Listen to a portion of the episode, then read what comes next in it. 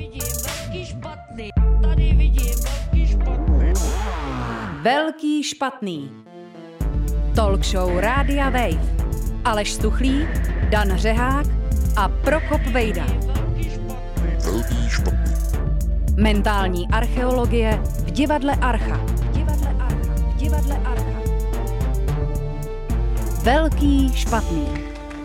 Dobrý večer, přátelé, vítejte na tradiční talk show Rádia Wave, dnes pod širým nebem v přístavu 186.00. Samozřejmě velmi přelehavě nazvaný díl, Velký špatný srpen. Já se jmenuji Aleš Stuchlý, po mé pravici tradiční velkolepá barokní linie Daniela Řeháka. Dobrý večer. Po mé levici náš junák a člověk, který trošku snižuje hranici věkovou této skvadry na přijatelnou úroveň. Prokop Vejda, a.k. Rafael Stříbrný. Dobrý večer. Eh, já bych si dovolil začít trochu netradičně, eh, takovým malým disclaimerem. Eh, vidíte, že Prokop se tváří jako poměrně zdravý člověk. Já bych vás chtěl upozornit na to, že tomu tak úplně není.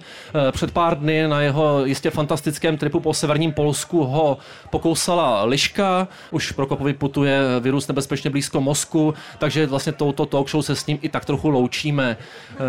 Ono taky co dobrého by mohlo přijít z Polska, že Každopádně... O tom si dnes budeme povídat. Co pěkného přišlo z Ruska, o tom si budeme dneska povídat především. Eh, každopádně mi dovolte přivítat ještě čtvrtého do party. Je to samozřejmě 8 Kid, eh, náš hudební doprovod, eh, který dneska zahraje z Alba, které složil speciálně pro nás a pro tuto příležitost. Jmenuje se 68. To jsem byl ještě pán. Já se na to těším. Přátelé, dnešní témata, jak jste asi pochopili, budou kromě svobody, demokracie, také fake news. Přeberte si to sami. Našimi hosty hosty budou Daniela Drtinová a Roman Týc. A jak jste jistě již pochopili, tak si budeme povídat v první řadě o invazi vojsk Varšavské smlouvy na území Československa, která se odehrála přesně 50 let před dnešním dnem, respektive před dnešním natáčecím dnem. Jelikož se naše stanice Radio Wave stále ještě profiluje jako rozhlasová stanice pro mladé posluchače, tak tak nějak předpokládáme, že většina z vás to nezažila a proto mi dovolte velice stručně schrnout pár nejdůležitějších milníků tohoto historického okamžiku. Koncem roku 1967, zejména potom od ledna 1968, kdy byl do čela Československé komunistické strany zvolen reformní a liberální soudruh Aleksandr Dubček, začal na našem území proces označovaný nekomunistickými médii jako Pražské jaro, komunistickými médii jako polednový vývoj. Heslo znělo socialismus s lidskou tváří, vše spělo k liberalizaci a demokratizaci. To se ale moc nelíbilo Sovětskému svazu, reprezentovanému Leonidem Brežněvem. Zavolal si proto vedení KSČ v čele s Dubčekem na kobereček, nechal se ujišťovat o věrnosti socialismu a vznášel požadavky ohledně navrácení cenzury. A když se blížil sjezd KSČ zářijový, na kterém by pravděpodobně došlo ke schválení reformních zákonů, a Brežněv stále nevěřil, že tu čeští komunisté zjednají pořádek podle jeho představ, tak proběhla v noci z 21. srpna na 22. srpen invaze vojsk Varšavské smlouvy na naše území. A před budovou československého rozhlasu zemřelo 17 lidí.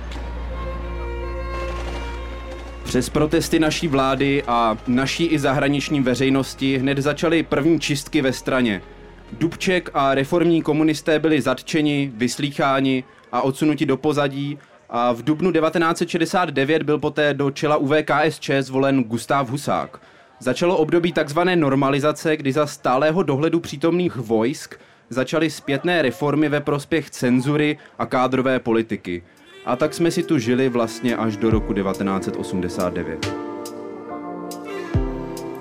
Děkuji za pozornost. No, to by taky vidím, Prokope, že ta nemoc tebou poměrně zahýbala.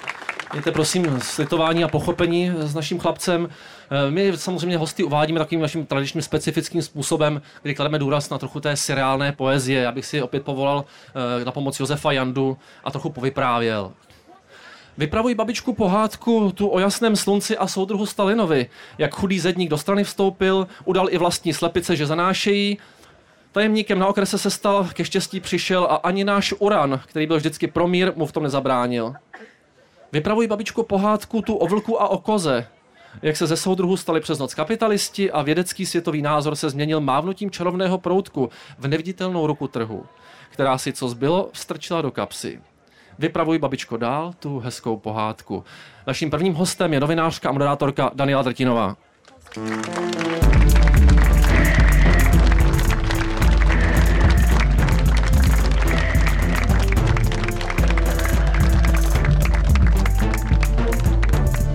Konečně si můžeme sednout.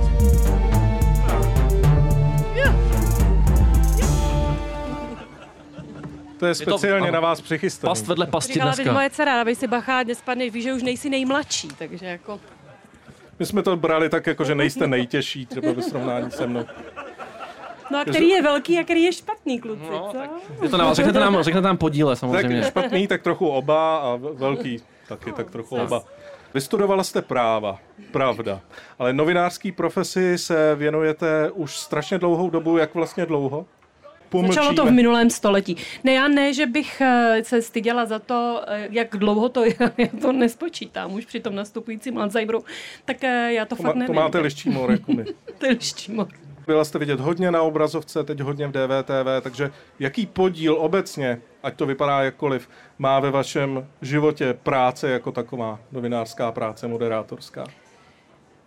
Tak eh, jako na hodiny to asi úplně nespočítám. Aha. Aha. Ku podivu v české televizi. Já jsem douf, no. Táž se blbě, no, to se dá nic dělat. Když jsem vystudovala právnickou fakultu, tak jsem nastoupila hned jako parlamentní zpravodaj.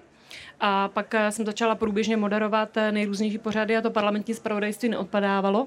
A jsem moderovala vlastně souběžně interview a události komentáře, do toho jsem dělala parlament. Jako časově to bylo náročnější tenkrát, teď je to zábavnější. Když odhlídnete od toho časového hlediska, jako jste hlavně novinářka, nebo máte taky čas dělat něco jiného, Tak eh, mě to tak, jak si to nastavíte, no. Tak jak to vnímám já, tak eh, je to povolání, to znamená, že ta profese mě povolala někam um, jako do míst, ve kterých eh, vlastně už potom neexistuje rozlišení toho, kdy jste nebo nejste novinář, ale jako konkrétní práci nemůžu říct, že bych se věnovala jako od rána do večera, takhle to prostě nefunguje. To by mě asi zabilo, no. Hmm, Mě by to taky zabilo. Každopádně, vy jste chtěla být psycholožka. Jak byste zhodnotila takový to danovolehký vošívání, takovou to, tak ten pokles toho sebevědomí? Jako tanečnice spíš to hodnotně No, no, co, Tak jako tanečnice nebo jako psycholožka? tak psycholožka zatím, nalez mi do toho. no. Tak eh, jako psycholožka bych řekla, že je ze mě mírně nesvůj, je nesvůj z té situace Z té a mírně situace. i ze mě. Možná jsem dost blízko, tak se třeba oddálím. To Jako muži se ani- mě občas docela bojí. Jako dobrý, v pohodě? Dobrý, já se klidně přisunu. To se, to se mi líbí, na sebe se ptát eh, nebudu. Jako bývalý hudební dramaturg Rádia Wave mě zajímá samozřejmě, jak máte pohled na hudební žánry. Máte ráda třeba Italo disco? Italo disco, já si pamatuju, když jsem tancovala, tak byla taková naprosto jako neuvěřitelná písnička. Bylo to Gigi e Mago Mago. to byla tehdejší-. Já si to vysampluju do svého pořadu tohle, jo? Je to, je to, to je opravdu bomba. No a tím vlastně touhletou písní, která mi dodnes zní v hlavě, tak jsem s italským diskem skončila. Nešlo to. Ale já narážím na to, co možná někteří úplně nevědí, a sice, že jste skutečně se ži- živila latinskoamerickými tanci po Itálii, nebylo to, nebo to Ne, nebyla to ani tyč, ani latinskoamerický tance. Tancovala jsem um, tehdejší styl, který se jmenoval funky. Učila jsem se ho od eh, olomouckých eh, cikánů, tenkrát se to ještě mohlo říkat, byli naši kámoši. funky. To bylo dobrý funky, oni opravdu měli tancovat jak Michael Jackson, to jsme ovládali, včetně toho měsíčního tance. A Dneska už bych to asi nezvládla. Moonwalk, když ale tak moonwalk byl, potom. ano, když tak to nechám na kolegovi. Ale latinsko-americké tance to nebylo. Byla to lambáda. To já miluju, na to rád byla vzpomínám. dobrá, to na bych- základní to bych škole ještě zvládla. jsem. Lambádu bych Jo? zvládla. Mm, tak možná jako bonus potom pro diváky, určitě. Rozhlas se to moc neocení, ale tady si to dáme. Každopádně jste přišla z české televize do soukromé sféry, do soukromého média a teď padne poprvé to slovo, které se tady bude objevovat, ale máte pocit, že nyní je vaše práce jakýmsi způsobem svobodnější? Vlastně pro mě um, je svoboda hodně podstatná a já jsem svobodně pracovala i v české televizi. Tam bylo těžší jako vymezit se proti některým tlakům, které tam prostě byly, ale z hlediska svobody je to teď stejný, jako to bylo. Akorát eh, musím vyvinout eh, méně úsilí na to, aby to tak opravdu bylo. Už vy jste se nenechala. V tomhle smyslu se možná zeptáme na DVTV, jehož jste hvězdou. Je pro vás, eh, nebo reprezentuje pro vás DVTV alternativu vůči tradičním, řekněme, veřejnoprávním médiím? Mm, Tímhle tím způsobem jsem nad tím nikdy nepřemýšlela, No, protože... musíte teďka, no. No, no. Jako Protože to- teďka, protože protože, to protože chci. zapadlo, ano, protože, no, dobře, dobře. Já vždycky posuzuju i z hlediska toho, do čeho vstupuju já, záměr. A mým záměrem bylo mm, pracovat dobře s informacemi, přinášet informace lidem, kteří jsou vlastně na druhé straně, pr- proti jakoby, tomu tělu toho média jako takovému. A ten záměr je pořád stejný. Stejně pevný a stejně neměný. A alternativou to, co dělám teď, eh, to nazvat nemůžu. Alternativou možná ne, ale čistě laicky, nebo z mýho pohledu na mediální prostor, mám pocit, že DVTV přeci jenom zasahuje trochu jiný okruh diváků, než když jste měla třeba interview 24. Jak vnímáte tenhle ten posun? Že najednou i když jdete do menšího média, možná co se týče složení, tak vlastně oslovujete úplně jinou skupinu lidí. Pro mě bylo určitě těžký od diváků, kteří se dívali na události komentáře a interview, kteří byli většinou staršího věku, kteří byli staří jak já a starší, tak eh, najednou vlastně proplout eh, mezi generaci, nebo vlastně možná i ob dvě, někdy i ob, tři generace vlastně mladší lidi, než jsem já, protože na nás se teď třeba dívají i starší děti z Gimplu, což je úplně úžasný, že vlastně věří eh, lidem mého věku říká se nevěř nikomu na 20 a na 30. Nějakým způsobem jsme museli změnit, nebo alespoň já, nevím jak třeba u Martina, ale já jsem musela změnit hodně jako podstatně tu vnitřní matrici toho nastavení, jak, jak, jak jsem to vnímala směrem k... Vnitřní matrice nastavení, vnitřní... už se mi to začíná ano, líbit, ano. už je to já, pěkné. Já jsem teďka vnitřní matrice, já jsem teďka um, když jsem se dívala na náš Facebook přes eh, nějaký fake profil, který mi nastavila moje dcera, abych se mohla dívat alespoň na diskusi u nás, no, tak mě tam strašně zaujalo jeden post, který úplně milu, ten si dám na triko, když Daniela Drtinová řekne obrat vnitřní integrita zemře koťátko. tak, tak Ma- vnitřní matrice, tam něco i větší možná, matrice je ještě vyšší level, řekla bych. A teď bych řekl, že je ta pravá chvíle poprosit Ejtkida jo, jo. o anketu. Co by naše republika měla dělat lépe, aby se v budoucnosti vyhnula dalším případným invazím? Uh, asi edukovat lidi. Edukovat lidi v tom, co se může stát. Prostě nějak se orientovat jako jednoznačně prostě směrem k evropské integraci.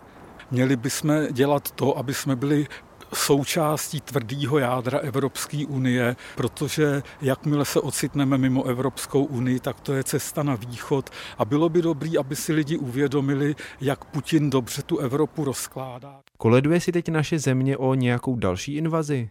Možná prostě nedělá nějaký politicky správné kroky, že třeba se říká tomu, že Zeman je hodně prostě mluví s Ruskem, že možná hodně lidí myslí, že by to přivedlo tady znovu nějakou invazi, buď to ruská, nebo ještě nějaká. Si myslím asi tak, že žádný nějaké invazi jako nedojde, protože už přeci jenom i ty velmoci jsou opatrnější. Pamatujete si 21. srpen 1968? E, no, vnímal jsem to dost šíleně. Já jsem přímo 21. byl v Aténách, takže když jsem vylez ven, tak tam vybíhali z novinových stánků ty, co mě znali a nosili mi noviny. Teď tam bylo muzeum, před ním tanky, člověk nevěděl vůbec, o co jde. A my jsme Eh, se vraceli hnedka z kraje září, takže jsme byli takřka jediný, kdo jeli směrem dovnitř, všechny auta odjížděly směrem ven a málem nás ruská kolona srazila do příkopu, když jsme je předjížděli. Tehdy jsem byl na chalupě v Orlických horách s babičkou s dědečkem. Ráno jsem se probudil, protože jsem slyšel ze zhora z pokojíčku takový ruch a vždycky takovým vykýřem prostě z kuchyně do toho pokojíčku voněla raní káva děčíky vždycky dělal s kávou, s cikorkou, prostě, aby to bylo i pro mě, že jo. No a takový zruch, tak jdu dolů a babička s kamenou tváří říká, okupují nás Rusové. Nějak tak jsem to vnímal v těch 14 letech. Nebudu se ptát vás, jak jste to vnímala, protože pravděpodobně moc ne, no, no, no. hodně jako zpětně, možná v předchozím životě, kdybychom se do toho chtěli pouštět. Každopádně ta otázka se nabízí sama. Dělá vám dědeček taky kafe s cikorkou? se, já jsem sice zažila už třetinu minulého století, ale v 68. se byla na houbách, jako pardon. Já to vím, no. De- 1970. Každopádně, eh, jak je to s tou cikorkou? Nesmíme to nadužívat dané tolik slovo každopádně, to, to za prvé, to je takový můj drobný psychologický Dobrý. Meltu, meltu jsem pila, cikorku ne. Meltu. Já bych se ptal na to, co má paní Daniela Rako vlastně ráda pořád, nebo nemá ráda. Jak, jaký třeba nemáte ráda tanky? Mně se vždycky strašně líbilo sousloví obrněný transporter. Ten tank je takový divně obyčejný, ale dobrý OT jako je slušný. Jo. Určitě by spoustu lidí zajímalo, jestli máte nějaký jako recept a radu, jak se orientovat v dnešní době fake news. Jak se v ní orientujete vy sama? Drtíte zrno od plev. Pardon. Držím, držím zrno od plev tím způsobem, že se snažím jako minimali, minimalizovat tenhle ten kontakt. Já si myslím, že těch informací, těch fragmentů, ani ne informací, vlastně těch fragmentů je dnes tolik, že jich fakt tolik nepotřebujeme a můj přístup je ten, že jako zdroje informace, které ke mně jdou, tak minimalizuju. Ehm, myslím si, že máme dán rozlišovací princip. Rozlišovací princip můžeme používat na cokoliv a v tomhle směru v dnešní době, která je absolutně šílená, kdy těch fragmentů je vlastně tolik, že se nám už dneska ani nestačí složit do informace jako takové, která by nám, nás potom někudy vedla, tak ehm, já vždycky, když se i bavím, třeba jako s mladšími lidmi o tom, když se mě na to ptají, tak eh, jim doporučuju minimalizaci. Minimalizace hezký recept. Děsí vás ta informační invaze? Nebo a čeho se bojíte vůbec? Ty hlubší strachy moc nemám, no. Vám závidím. Moje dcera mi říká, že jsem tak hloupá, že nemám ani jako prostor na depresi, takže... to je hezké. jako, jsem v pohodě, já jsem šťastná. Toho já mám dost a budu ho mít ještě víc po dnešním večeru, každopádně, který nesmím používat ještě navíc. Já jsem se chtěl zeptat, eh, jestli je běžnou, běžnou praxí, protože už té praxe přeci jenom máte docela dost, eh, nebo jestli je to nová věc, a to je, že když děláte interview s někým, tak začne lží, v té pokračuje, začne nějakým fake news, začne nějakým tvrzením nepodloženým a pak musíte horko těžko dokazovat tu pravdu, že je to nepravda, místo toho, aby přišel prostě řekl, jak se věci mají. No vlastně dřív, když se to objevilo eh, v nějaké fakt čistokrevné nebo úplně krystalické podobě, tak eh, to byla vlastně taková zvláštní událost a i pro novináře, který vlastně čelil té situaci, tak eh, to byl mm, takový jako zvláštní, unikátní moment, kterých jako zase úplně tak moc nebylo. Že to taková ta čistokrevná lež, která se dneska používá opravdu celkem běžně, kdy mám pocit, že ty lidi tomu třeba fakt i věří, že třeba jsou um, jako míra té zmatenosti a toho, jak jsme opravdu v nějakém kombajnu informačních jako nejrůznějších nesmyslů, které nám zastírají mysl a které nás potom nepouštějí k těm hlubším vrstvám mysli, kdy jako jsme schopni vyhodnocovat ty věci správně, tak mi přijde, že teď je mnohem, mnohem jako viditelná, markantnější, více projevuje a že spousta lidí tomu opravdu jakoby věří. Jakože i ze strany jakoby politiků e, jsem mnohokrát, když jsem se třeba po tom rozhovoru s nimi o tom bavila, ty třeba jeden konkrétní případ, který ale nechci citovat, byl to třeba prostě politik, který kandiduje teď za SPD, být dřív sociální demokrat, tak um, vlastně mám, mám jakoby pocit... Velmi elegantní, mám, cením. Ano, Mám prostě pocit, že vlastně v tom dnešním uh, samospádu uh, těch uh, věcí přestáváme mnohdy rozlišovat to, co prostě je pravda a co není pravda. A možná, že řada z nás, třeba i já, se dostáváme do sebeklamu, do, jakoby do, do, opravdu do, jako do stavu, kdy to rozlišit už třeba neumíme. Tohle je moje velký téma a je to věc, kterou hodně řeším. A jak? No tím, že se snažím být vědomá, že se snažím být vědomá, že se použi, jako snažím se používat ten rozlišovací princip jako absolutně jakoby v každých situacích, eh, které mě potkávají nejen v té profesní, ale i jako lidské. A eh, snažím se být vědomá a, a mm, neupadnout eh, sa, sama do informačního sebeklamu, ať buď jako, na, jako po povrchu, anebo by v hlubších věcech, protože si opravdu myslím, že ta doba je taková, že generuje tolik balastu a tolik eh, nesmyslů, které už nerozlišíme, jestli jsou podstatné nebo ne, že nám prostě jakoby zdravý instinkt a ten zdravý rozlišovací nástroj, který nám byl dán, fakt oslabují. A teď, když mluvíme o balastu a je tady nějaké výročí uh, invaze sovětských vojsk, Eh, v srpnu 68 vy jste natočila celý seriál teď na to téma a teď máte pocit, že právě v tom strašném balastu, v tom množství informací stačí nebo jakkoliv může něco změnit to, že natočíte pár uh, pamětníků. Uh, má to vůbec nějakou cenu?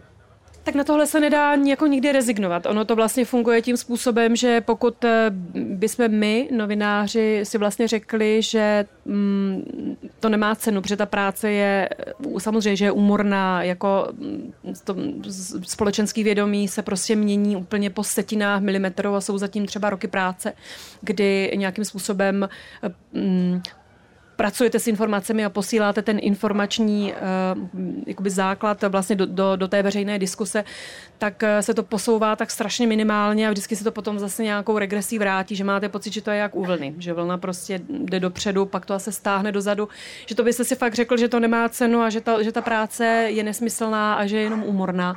Tímhle tím způsobem já jsem do toho nikdy uh, jít nechtěla a nikdy jsem tímhle tím způsobem neuvažovala, protože bych to nemohla dělat. Já no pak velmi často a, teda musím říct, takovou velmi, no tak eh, Denně v podstatě. do, doporučuji sebezápor zvláštní, Jo, no, to fakt funguje, vám pak řeknu, jak na to, abyste nevyhořel, jste mladší no. nepoměrně než já, tak bacha na to. To si myslíte jenom. No, vy jste propadli trošku melancholii tady na Danův poput, já to vidím, že se propadá. Já to rád Virus dělám. tobě intenzivně pracuje. Já bych se zeptal, máte ještě čas tančit vůbec, Daniel? Mám, mám, mám, tady kouká. Jo. Moje dcera jo, zvedá oči, ano mám, mám čas tančit. Trošku Chodím nám to, rozveďte nám tančit. to trošičku. Prosím? Eh, Trošku to nám to rozveďte. Kdy v týdnu, jak pravidelně, které tance. Kromě funky si pamatuju, že Já jste to- vyznával i hip-hop, Já teďka si to hodně jede. Ne? Ty čísla mi moc nejdou. Chodím docela často v poslední době tančit. Vy říkáte, že si to nepamatujete, ale já o vás dobře vím, eh, že máte fotografickou paměť. Eh, Tak se chci zeptat, co jste si naposled vyfotila. Tu jsem mývala, no. Zrovna včera jsme se bavili o To tom... najednou ne. Tančení Přijde, že? Na podpacích, pryč. Rozmazaný. To je to, roz, je to už, začíná to je rozmazané. Já už ji hůř vidím teď, takže jako Jasně. teď jako hůř vidím, takže některé věci je, je fajn to stáří nastupující, protože spoustu věcí si můžete fakt jako omluvit sám před sebou, před tím okolím. Prostě moc nevidím, takže občas nevidím, co někam pošlu nebo nepošlu. A na co se ptal? Jo. Ne, si fakt, myslím- na co jste zapomněla, opravdu. Co si tak fotíte naposledy? Jo, já no? Já už Jo, fotogra- fakt, jako, já už nerozeznám mezi fake odpovědí a reálnou. Já jsem absolutně zakotvená v pravdě a v autenticitě. Ale teď už jsem si nevyfotila dlouho nic. My si vyfotíme vás. Povoláme Prokopa, skauta, aby nám eh, představil svůj reportáž srpnovou. Taky už máte pokrk velkého špatného? Mám pro vás řešení. Dejte si pravý opak, malou dobrou. Náš redaktor Prokop Vejda se do středověké tvrze jménem Malá Dobrá vydal natočit další díl svých zážitkových reportáží. K poslechu na rádiu Wave už za tři vteřiny. Právě jsem vystoupil z autobusu. Co je trochu matoucí je, že se tvrz Malá Dobrá nachází v obci jménem Velká Dobrá, kousíček na jich odkladna. Místní se pravděpodobně nemohli shodnout na tom, jak dobré to tady ve skutečnosti je. Teď jsem udělal asi 10 kroků s vyplým diktafonem a už stojím přímo vedle tvrze. Je totiž jenom pár metrů od autobusové zastávky. Jediný háček ale spočívá v tom, že tvrz není přístupná, minimálně ne z téhle strany, je totiž oddělená velkou zdí. Jestli můj výlet skončí takhle, po deseti vteřinách, tak to nebude, to nebude ani malá dobrá, to bude velká špatná. Tak obešel jsem celou obec a stojím teď před branou do zahrady tvrze. Samotná tvrz odsud teda není vidět úplně dobře, ale už teď vidím na její masivní kamenné zdi, které ve středověku sloužily k obraným účelům. Nechali tu postavit Bohuslav z Dobré roku 1328. Tou dobou se totiž ještě pravděpodobně věřilo, že se Češi můžou ubránit invazi zahraničních vojsk pomocí stavění tvrzí. Hm. Všude kolem je vysoký plot s ostnatým drátem, prorostlý hustým křovím. Tvrz tak bohužel zůstává nedobytnou až do dnešních dní. Už jsem se zklamaně vracel na autobus, když v tom přede mnou přece jenom vysvětlo něco malého dobrého.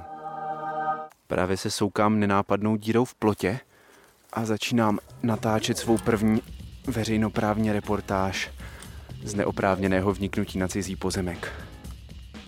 Hned po pár metrech mě ale potkává zrada a sice další zeď, tentokrát ale zděná. Lezu na ní a naposledy koukám na masivní kamenné zdi, na druhou stranu do toho křoví se mi už ale skákat nechce.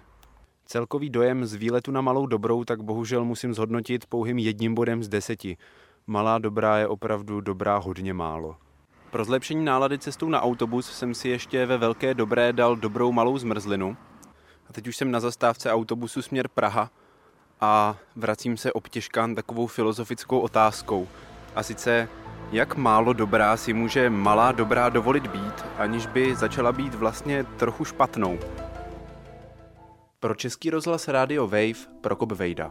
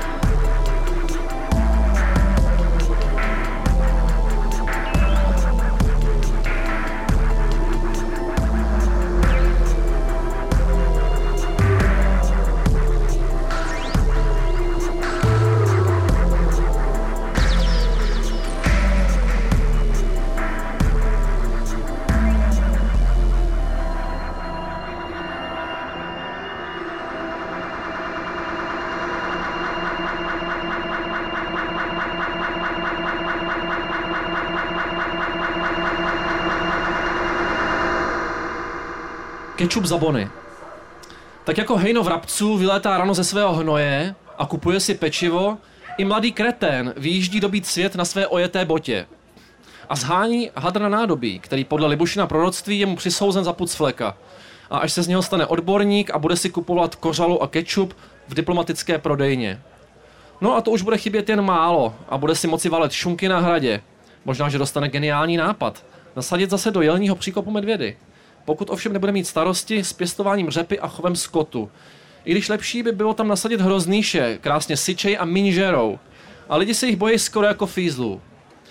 Jak já jsem někdy praktický, mohl bych možná začít třeba sedlačit. Nebo vymyslet nový náboženství. Ne, to ne, to by mě zavřeli. Tak radši něco jiného, třeba turbínu, která by byla lepší a dokonalejší.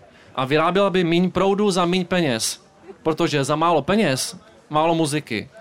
Naším druhým hostem je kryptoanarchista a člen umělecké skupiny Stohoven Roman Týc. Romane, eh, můžu ti říkat Davide? Jestli seš moje holka, nebo úředník, nebo soudce, tak jo. Tak to třetí možná, potom a potom až. Ne, pojďme trošku vysvětlit pro ty, kteří nevědí, jak je to s tvým jménem a vůbec problém identity. Uh, tak to je součást konceptu skupiny Stohoven. Když my jsme začínali, tak jsme vycházeli z nějakých eh, street artových stereotypů, kdy jsme věděli, že budeme překračovat zákon a pak přišel moment, že bylo potřeba mimo jiné taky ty naše projekty obhájit. Uh, a bylo potřeba komunikovat s médiama, tak jsme uh, zároveň do médií museli vstupovat, ale zároveň jsme museli chránit svoji identitu, nebo respektive tak trošku si hlídat svůj komfort, protože jakmile, jakmile po vás nějakým způsobem jdou od úředníků až po policajty, tak ztrácíte nějaký komfort, protože furt musíte chodit někam něco vysvětlovat, nebo vás někam zavřou na nějakou dobu a tak, že tak to začalo. A víceméně když bych nad tím se takhle jako zapřemýšlel, tak jsem se stal Romanem Týcem, takže... Tam... Žádná schizofrenie v tom. Je tam, no. Je tam, je tam schizofrenie, no. No to je důležitý. To je, my jsme ve večeru plný diagnóz. Občas, občas tě zavřou, eh, říkáš. Tak já se chci zeptat, eh, jak bylo na Pankráci a kdy se tam znova vrátíš? no, mimo jiné jsem se tam potkal s Petrem Smetkou z H-systému. Stra... Fajn, fajn parta. Z dobré společnosti. Ne, ne, musím říct, jako, že vlastně uh, moje profese nebo moje pozice ve společnosti je vlastně zajímavá v tom, že se vlastně dostávám do soukolí a do nějakých událostí a setkávám se se strašně zajímavými lidma na obou stranách. Zároveň třeba rok po návratu z Pangráce jsem se potkal i s Hanou Marvanovou, která vlastně stála proti Petrovi Smetkovi.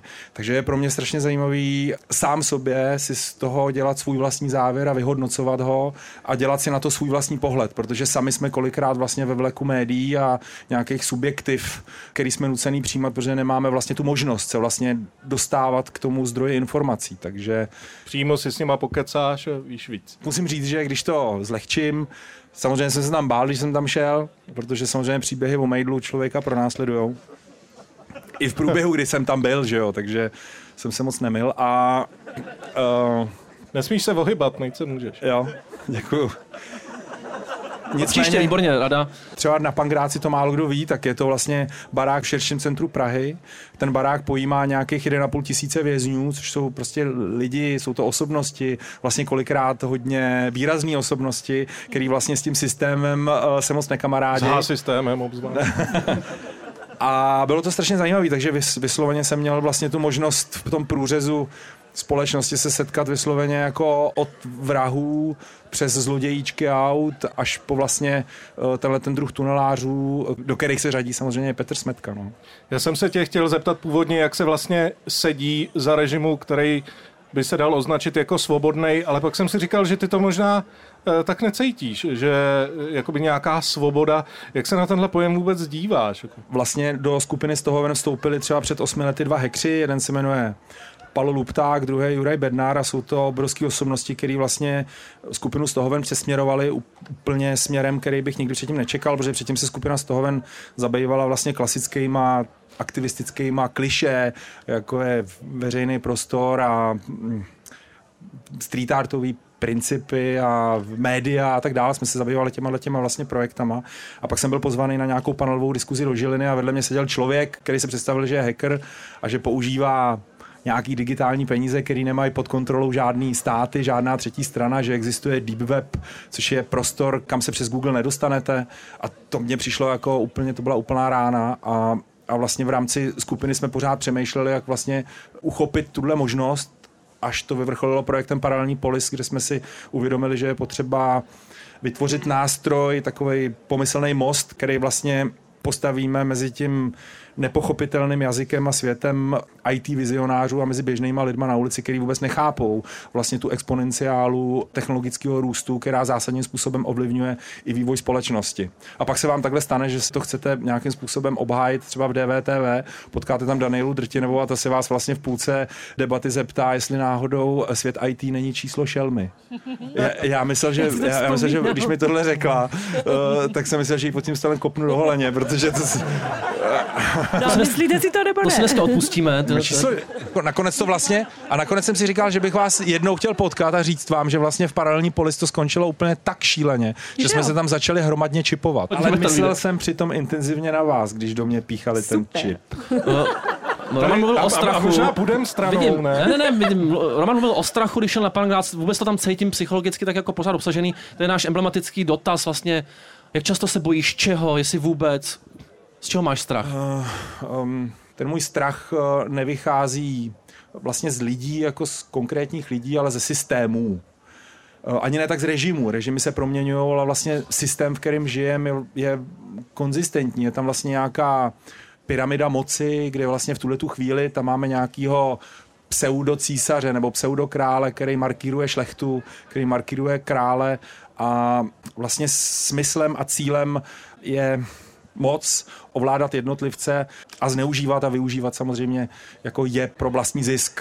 Vlastní pro, mě, pro mě osobně ten strach eh, je v tom, že nebudu dostatečně obezřetnej a nechám se tímhletím mm, strhnout. Zároveň vedle toho mám tu možnost setkávat se s, s lidma z tohohletoho IT vizionářského světa. Já nechci používat výraz hacker, ale vlastně ze světa etických hackerů a hledám neustále způsoby, jak o tom diskutovat, buď to přímo, anebo prostřednictvím A projektů. pro, proč tam vidíš svobodu? Nebo něco, něco na ten Eh, způsob, proč tam vidíš tu naději? Svět kryptoanarchie přináší soubor nástrojů, který nám umožňuje v tom virtuálním světě se efektivně osvobodit v tom smyslu, že pokud používáte šifrovací technologie, které jsou dostupné běžně, Málo je používám, málo je používám. jako jsou říct. třeba technologie pro komunikaci, jako je třeba aplikace Signál nebo aplikace Trima, tak to jsou aplikace, které, když si vyměníte šifrovací klíč s druhou stranou, tak neexistuje způsob, kdyby vám třetí strana, nemusí to být úplně stát, ale může to být nějaká korporace, vlastně bude využívat a těžit z toho, že, že vstupuje do vaší komunikace. Za Rakouska Uherska, když vám otevřeli dopis, tak jste poznali, že vám otevřeli dopis. Dneska lidi komunikují a zdaleka nevědí, kdo lidem čte zprávy a jaký informace nebo, jaký, eh, nebo jakým způsobem ty, ty informace ta třetí strana vyhodnocuje. Ta mise paralelní polis je o tom hledat, artikulovat ty myšlenky, které jsou opravdu komplikované. A i pro mě jako pro výtvarníka je to prostě náročný, protože vlastně no. mým cílem a mým nástrojem je vytvářet vizuální zkratku. A No. ne, a, ale samozřejmě jakoby ta verbalizace těch myšlenek je komplikovaná, je náročná a proto jsme právě vytvořili třeba například kavárnu, aby jsme lidem nevysvětlovali, že se za, za kryptoměny uh, nekupují jenom drogy, dětský porno, uh, zbraně a terorismus, ale že se třeba například za ně dá koupit káva a tím vlastně ten člověk získá tu fyzickou zkušenost s kryptoměnou a není to pro ně jako bajný jednorožec, který ho v životě neviděli, ale všichni o něm mluví někde ve 100 plus 1. Co se týče té vizuální zkratky a, a symboliky, eh, tak eh, samozřejmě eh, nedávno velká záležitost červené trenýrky a jejich neuvěřitelná dohora. V celém tom uměleckém projektu, na který se tě potom ve zkratce zeptám, figuruje celá řada symbolů. Počínaje těm eh, červenýma trenýrkama, rozstříhání standardy, eh, potom pálení, prostě symbolika na symbolikou. Pro mě je tam už eh, přesymbolizováno. Tak jsem si skoro řekl, ne, že by to nepatřilo k umění, že bych si udělal takovou malinkou anketku, ty by si si, ty by, ty by si, si poslech a já se jenom takhle zeptám namátkou lidí, eh, co spatřují pod symbolem červených trenýrek, co to teda vlastně jsou červený, červený trencle. Můžu se vás zeptat, jak vidíte nosíte vy červený trenýrky? No asi přestaň taky toho velkého pupkáče, jak má to, to tílko a k tomu ty červený trenýrky a sedí na nějakém... Zlatým trůnu. No, dejme tomu. No dobře, dobře, já ještě projdu někam dál. Červený trenýrky, můžu se zeptat, co to symbolizuje u vás? Tak jako určitá spojitost s iluminátama, si myslím. jo! Ale ten prvek jsme je, potřebovali tady. Je to tam. Já dám ještě do třetice stejnou otázku, někam zajdu dozadu, než bych viděl, můžu na vás? Vy se stydíte hezky. Já vím, že to, co teď děláme, je jedna z nejhorších věcí na světě. Porušuju Kantův imperativ, takže červený transle, co to je? Protest. Prostě to je v tom vidět. Tak takhle, takhle to vidí, dejme tomu lid, co přišel sem. Já poprosím Aleše, eh, aby zarecitoval báseň, Zase? kterou vy jste k tomu vydali, která taky to Já budu sedět teda, jo. Dnes nad Prahou zavlála zástava muže, který se nestydí vůbec za nic. Rudé jak čínská vlajka, snad trapností a taky vsteky, vlají dnes nad Prahou a hraje balalajka, prezidentské trenky. Smutně si pleskají, nepostrádají hýždí, které je i celou zemi čím dál tím víc hyzdí. Hezky. Já to ne, já ne. Nad městem vlaje zástava země pána, jen on a nikdo jiný. Arbitr elegance a moudrost sama. Hezky se to napsali, kluci. Každopádně to tě muselo docela všechno překvapit, co se dělo potom. Musel to tak... Ne, to, to čekal prostě. Ne, že... ne, ne, to ne, ale uh, spíš nebyl to asi jako první akt tohohle druhu, tomu předcházely tomu vlastně červené karty. Aha. A víceméně asi už ty citlivější jako z nás chápali, že to, co se tam děje, půjde tímhle směrem. Jako konkrétní akty, až t- že to skončí tím, že, že to ty pošuci spálejí, je samozřejmě je překvapivý. Že jo? No, Doufám, že jsme se nikoho nedotknuli teď. Samozřejmě. Nepochybně ne. ne. Každopádně tam bylo nějaký stříhání standardy, ty si říkal, že to se některých lidí dotklo, jako ta státnost, hmm. ale to, to tě třeba moc nevzrušuje, ne? Jako uh, ne, nejenom, že nevzrušuje, ale víceméně, to je na jinou debatu. Já bych se jako nerad pouštěl teď do mýho vztahu k tomu, co to je stát. Přesto vlastně bylo pro mě jako zajímavý, protože já byl ten z těch, kdo držel ty nůžky. Uh, bylo to zajímavé vlastně jako dostat se do toho momentu té fragmentace vlastně těch, jako toho symbolu.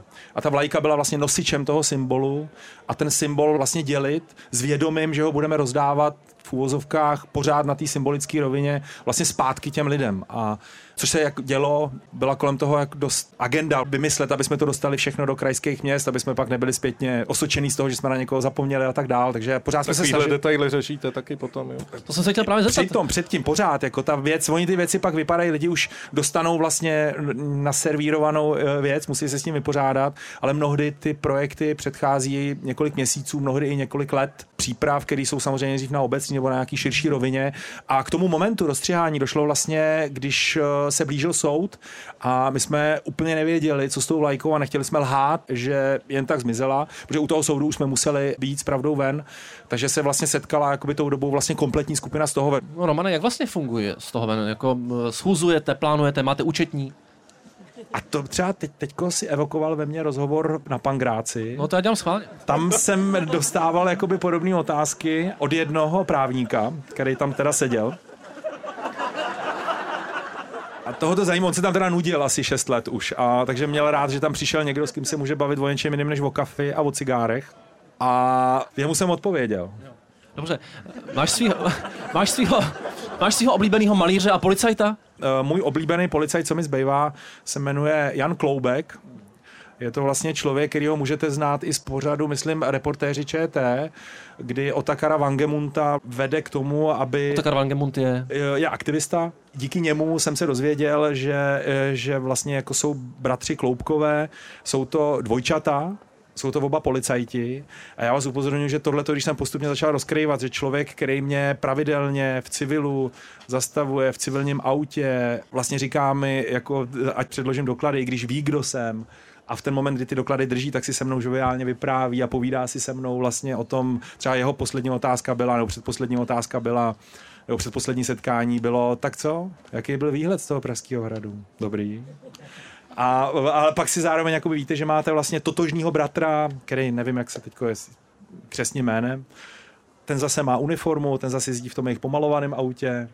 Takže mě pak začalo vlastně bavit, eh, koho, nevědět, já nevím vůbec, kdo je z nich, kdo je kdo, takže mě pak vlastně těšilo uh, vždycky po tom rozhovoru říct, a pozdravujte bratra. Jo, jo, budu pozdravovat bratra. Takže A to je radost, když vidíte, že ty lidi to dělají s láskou v podstatě. I když vlastně nemusí, tak přeci jenom je to do toho tak. jdou. Já jsem dokonce slyšel od uh, novináře německého, který vlastně o nich ví, o těch bratrech. A dokonce ten mi říkal, že, že bratři Kloubkové jsou z policejní rodiny, kde je rodinný heslo, že základ policejního státu je policejní rodina. No, aby ne. To je nádherný. Já si myslím, že to je statement, který bychom měli předělit a trošku se odlehčit, eh, když normálně na té rybářské židli. Dneska bychom měli říct něco o takové té, řekl bych, až pikantnosti říčních koryt, taky díky tomu, kde se nacházíme. Poprosíme o znělku. Roman se tváří trochu nedůvěřivě. Pikantnosti říčních koryt. Přátelé, krásné téma. Myslím, v této pravidelné rubrice eh, se tentokrát budeme věnovat eh, jak jinak než malebnému prostředí eh, Karlínského přístaviště a tuším jeho i bezprostřednímu okolí dané. Tento estetický poutavý kout Prahy, romantiky zvaný Revír 401 017 Vltava 5, neskýtá útočiště pouze milencům, developerům a uhlobaronům se zálibou ve skupování médií, to možná znáte osobně, ale na své si tu přijde Pardon. I milovní kapra, cejna velkého nebo karase. Já myslím, že je důležité říct, že i takový, řekněme, pořádný kus legrace, stejně jako s Romanem, můžete zažít i s menšími druhy, jako jsou například eh, pravidelně vysazovaný lín, plotice, ouklej, moje oblíbená, nebo i eh, česká včelka Mája Aťka Janoušková, která jsem ze Strašnic donedávno dojížděla tramvají číslo 26, eh, než byla, tuším, odkloněna z Těšnova na náměstí republiky a tudíž se zde v současnosti vyskytuje jen sporadicky, podobně jako například Sumec. Sumo obecně má v Karlíně bohatou tradici. Právě zde byla v roce 1921 založena komunistická strana. Schůze se konala v hospodě u Zábranských v Křížíkově ulici a oficiální vyhlášení strany proběhlo v Karlínském národním domě. Hospoda i strana fungují dodnes. V tom úseku pod jezem, kde se vlastně nacházíme, lze zatím poměrně beztrestně, teda upozorňuji, zalaškovat i se pstruhem duhovým, parmou, podouství, podoustev, to je, řekl bych, jedno z nejhezčích českých slov, candátem či bolenem dravým. Opravdový štístko, a to tě bude dane zajímat, eh, může narazit dokonce i na čím dál zácnějšího vládce Sargasového moře, zlatého hada, Angela Angela, jak my latiníci říkáme, eh, strážce tajemna samozřejmě, kterého je třeba nepřesolit, tedy eh, zkrátka úhoř. Romane. Na počátku 21. století nebylo výjimkou zde chytit i ostroredku stěhovavou, a to v trofejní délce 50 cm, a koho by neoslnil takový 29 cm jelec No, proudní. jelec, no, no, jelec je neuvěřitelný, já si ani nepamatuju, když jsem viděl naposledy jelce. Pokud vůbec někdy teda. E, není divu, že to libeňské dvojrameno eh, je lemováno vysazenými místy eh, s patrnými jaké letitými otlaky těch rybářských jíždí, abychom byl trochu poetický. A je tradičně velmi dobře zarybňováno, jestli se nemýlim. Je při pohledu na tak pestrou násadu už málo koho odradí, že ryby jsou zde prý cítit naftou. Korytu řeky za vašimi zády spočinuly i pozůstatky nedaleko se tyčícího Stalinova pomníku. Když je hodně nízký stav vody, lze podle místních zahlédnout i nerozpuštěný tyranův knír. Hmm. Čistě logisticky, myslím na závěr nutno dodat, že Karlínský přístav byl prvním obchodním přístavem v Praze a od roku 1822 je jedním z nejvýznamnějších dopravních uzlů vůbec.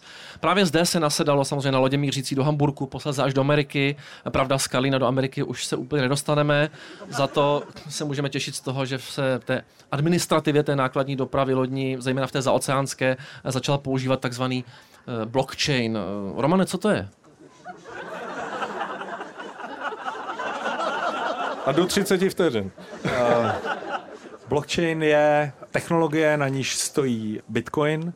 Blockchain je něco jako, představte si velkou virtuální účetní knihu, kde se každých 10 minut uzavírají jednotlivý bloky, v nichž jsou zápisy bitcoinových transakcí.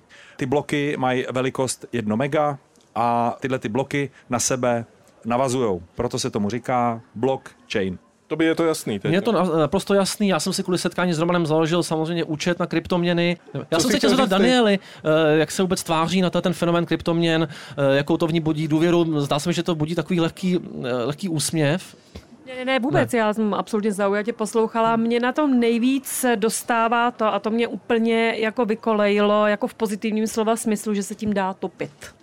Povoláme Prokopa, já myslím, po tyhle ty části, pak si ještě povídáme s oběma zároveň. Prokope si stále mezi Ano, námi. ano, děkuji za Výborně. povolání. Abych velice stručně vysvětlil a co nejméně vás zdržoval. Dnešní talk show je výjimečná zejména v tom, že je na rozdíl od těch zbylých talk show zadarmo vstup na ní, ale jak to tak znáte z praxe, tak nic není zas až tak úplně zadarmo, takže když už vás tady mám, tak bych si vás dovolil zneužít pro vyplnění takového krátkého dotazníku, jehož závěry nás upřímně zajímají a jehož závěry jsme byli pověřeni zjistit a ten dotazník sám, abych o tom nemluvil tak amatérsky a laicky jako o dotazníku, se jmenuje terénní dotazníkové šetření stavu připravenosti široké veřejnosti na neočekávaný akt agrese ze strany státního útvaru mimo NATO formou plošné anexe pěchotními jednotkami s podporou pozemní techniky.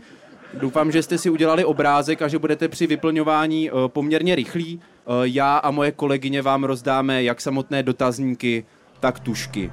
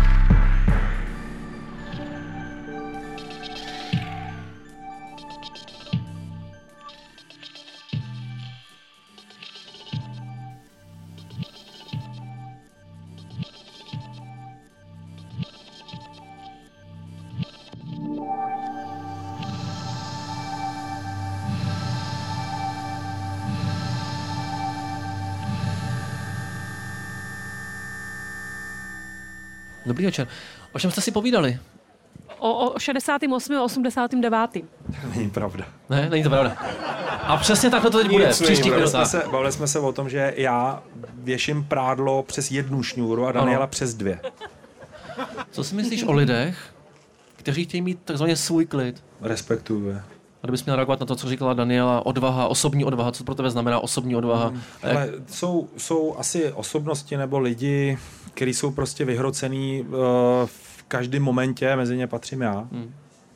A pak je samozřejmě jako většina lidí, kteří chtějí mít ten klid a, a moje přítomnost je mnohdy rozčiluje, slušně řečeno. A narážím na to moc krát. Měl jsem jedno hodně dobrýho kamaráda, který, který když byl v tomhle stavu, že chce mít svůj klid, tak to mimo jiné taky ale pak v jeho případě končilo hlubokýma depresema. A já jsem za ním chodil a snažil jsem se ho právě burcovat. A tím jsem ho naopak tlačil do ještě hlubší deprese, a až to vyvrcholilo tím, že mi řekl, dusíš mě svojí aktivitou. Což se mě teda jako fakt hluboce dotklo. Ale zároveň si vedle... Říká Dan taky občas, no. Ale, ale, Dušení aktivitou, to je moje. ale zároveň si vedle toho uvědomuju, že je nutný prostě respektovat všechny lidi, všechny jejich povahové rysy, ale i, ale i třeba nastavení, v kterém zrovna prostě jednotliví lidi jsou, takže já to chápu. To, to je ta zkušenost toho lapáku, to by to hodně Roman se dělá, já jsem říkal, jestli se Roman dělá hezkým, nebo jestli se, je, to, je lepším člověkem No, pro dnešní večer. bejt na té celé. Tomu se říká, to určitě jste slyšeli tu frázi, tomu se říká umět sedět. To bylo třeba, Ježíš, jak on se jmenoval, poslední, eh, Mohika. pos, poslední, poslední oběť eh, komunistického režimu Vonka. Willy Wonka, je to možné? Určitě. Ten byl, ten byl, ten, ten, ten byl to jednou z prvních teda. Vonka ano, Vili, Vonka ano, Vili ne. Jo, jo. Petr Ano. Sakra. No, tak, ten, eh, tak pokud vím, tak eh, o něm se právě traduje, že sedět neuměl, proto zemřel. Protože vlastně, já nevím, já tam nebyl, ale říkám to jenom jako příklad. Zrovna v tom prostředí jakoby toho kriminálu je všechno koncentrovaný, to znamená, že ta zpětná vazba, ta reakce je okamžitá. Takže tam jsou dvě největší hodnoty. Jedna z těch hodnot je informace a druhá je soukromí. Takže jako ty lidi jsou tak na sebe namačkaný. Eh, Já jsem byl na celé, kde bylo sedm lidí. Jsem byl na Bčku, na Cčku jich třeba sedí 14 pohromadě na je jedné celé. No. A myslím, že to je peruánský básník Cezar eh, Vallejo, nebo jak se jmenuje, který říká, pochválen budeš ten, kdo se posadí. Tak to si myslím, že mohla být taková jako příjemná, příjemná tečka před tou challenge, kterou jsi připravil. Pravda? Nebo fake news? Pravidla jsou Strašlivý. vám asi jasná. Půjde o pouštění ukázek, které budou mít nějakou informační hodnotu. Vaším úkolem je uhodnout, zda jde o pravdu nebo fake news. A pozor, aby to nebylo jen tak, já jsem si připravil pro vás ceny, které jsou trochu tvrdší, mám to v hezkém pytlíčku, Když se nám z toho stává taková besídka, mě to nevadí. která jsou mnohem tvrdší měna, než si koupím kafe u tebe v paralelní polis, jo. Tohle je rovnou, tohle je prostě ta hodnota je přítomna v tom. Okamžitě nepotřebuju na to hardwareovou peněženku nic. Ale nedá A se tím topit. Z- za správnou odpověď. A jde to furt nahoru, pozor. Jde to, ale špatně. Eh, A za správnou odpověď vám odevzdám jeden takovýhle hezký coin. Ministr národní obrany Julius Hanus důrazně vyzývá všechny demonstrující, aby se navrátili do svých domovů a vyčkali dalších pokynů. Mm, tak eh, podle mě to není pravda. Podle mě taky ne. No tak tady máte penízek. To bylo, to bylo snadný teda. Jedeme další. Jedeme dál. Chci vás upozornit, že vysílač eh, Vltava, který hovoří v českém a slovenském jazyce, není vysílač československý, ale okupačních vojsk. Je to pravda. Je to dobová záležitost, je to pravda. Máte další penízek. Teď mám pocit, je že jich mám málo. Dnes jsme, dnes jsme zase otvírat okurky, to vydal ani jeden. No to jo. Tak To rovnou, ten to rovnou žere. Tak pojď. Pojďme dál. Radio Wave je nejlepší českou rozhlasovou stanicí. Vysílá chytré a zábavné pořady se spoustou skvělých písniček. To je pravda. Je to pravda, chci čokoládu. Víte, víte jak na mě. No, moment. Jako úplatek vhodný. Můžeš rovnou hlásit další. Jo, tak pojďme na čtvrtou část. Co bude? Myslím, že stále platí ta čtyři slova, která platila v těžkých chvílích nadti jsou. Svoboda, socialismus, suverenita, spojenectví, ale ne okupace. Platí nebo neplatí? No, sám, sám. Tak platí, no tak je to původní záznam, No. takže se to stalo. Ano. Eh, Prokope, jak jsi to myslel? On to pak vysvětlí, dej jim čokoládu, No. prosím, teď se nezdržuje. Příšerně, příšerně přetahujeme a vidím tam deficit už. Pojďme na poslední pátou ukázku. Já jenom teda musím tak- říct, že Rovnou si vemte ten já už, jsem, já, už jsem asi, já už jsem asi třikrát odmít jít do show na Krause, protože jsem se bál, že ze mne bude někdo dělat úplného debila. Ale tady za to dostávám aspoň čokoládu. Ne, to, tady ze sebe dělá úplnýho debila To někdo si neviděl, co jsme dělali s Krištofem Hádkem, tohle je dobrý. Jo. Poslední ukázka. To celý Mezi dvěma způsobem. moderátory po vašich stranách je váhový rozdíl 27 kg. Tak já říkám, že ne. Taky říkám, že ne. Já si beru ten pytlík, ale chci do něj dva ty penízky vrátit. Přátelé, je- je to smutný. Ten rozdíl skutečně takový je. Honem to sněte, já mám v ruce. Já to mám tematicky, já vážím, byla pravda. já vážím 68 kg, co to znamená prodana, to asi všichni chápete. Já neumím matematiku. Já už taky nepamatuju.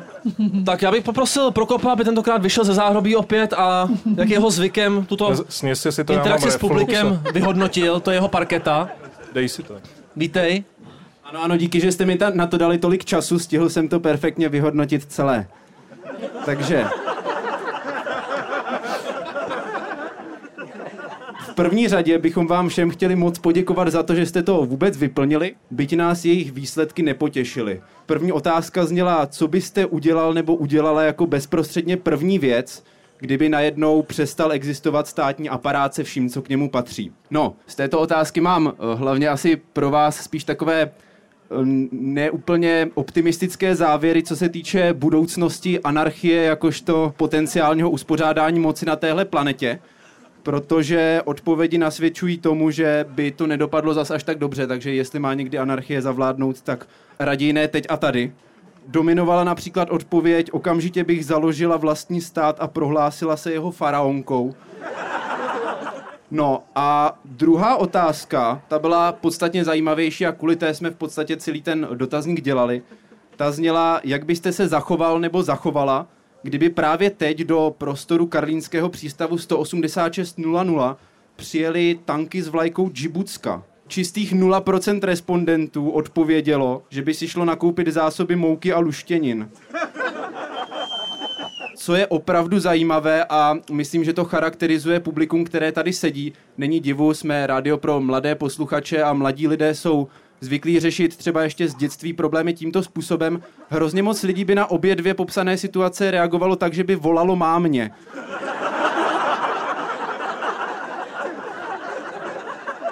A dovolím si s vámi se na závěr eh, podělit i o pravděpodobně nejbizarnější věc, co jsem zatím stihl přečíst z odpovědí na druhou otázku. Ta je, že by na eh, džibutské tanky pustila Jeffíka. Eh, omlouvám se respondence, pokud je Jeffík nějaká protitanková zbraň, ale... Ale ještě ty dotazníky pro jistotu projdu podrobněji, ale obávám se, že tímhle tempem to opět skončíme na vojně. Děkuji za pozornost. Dík. Děkujeme za pozornost Prokopovi. Možná, že Jeffík je, je liška Prokope. Uh, my se s tebou opravdu loučíme, loučíme se zároveň i s vámi. Tohle bylo, jak jste jistě poznali, velký špatný, velký špatný srpen. Doufám, že po tomto večeru zavoláte mámě, stejně jako Daniela Drtinová a Romantýc, kterým velmi děkuji.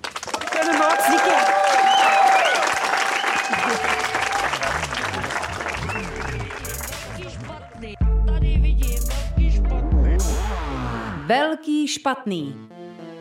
Talk show Rádia Wave. Aleš Stuchlý, Dan Řehák a Prokop Vejda. Velký špatný. Mentální archeologie v divadle Archa. V divadle Archa. V divadle Archa. Velký špatný.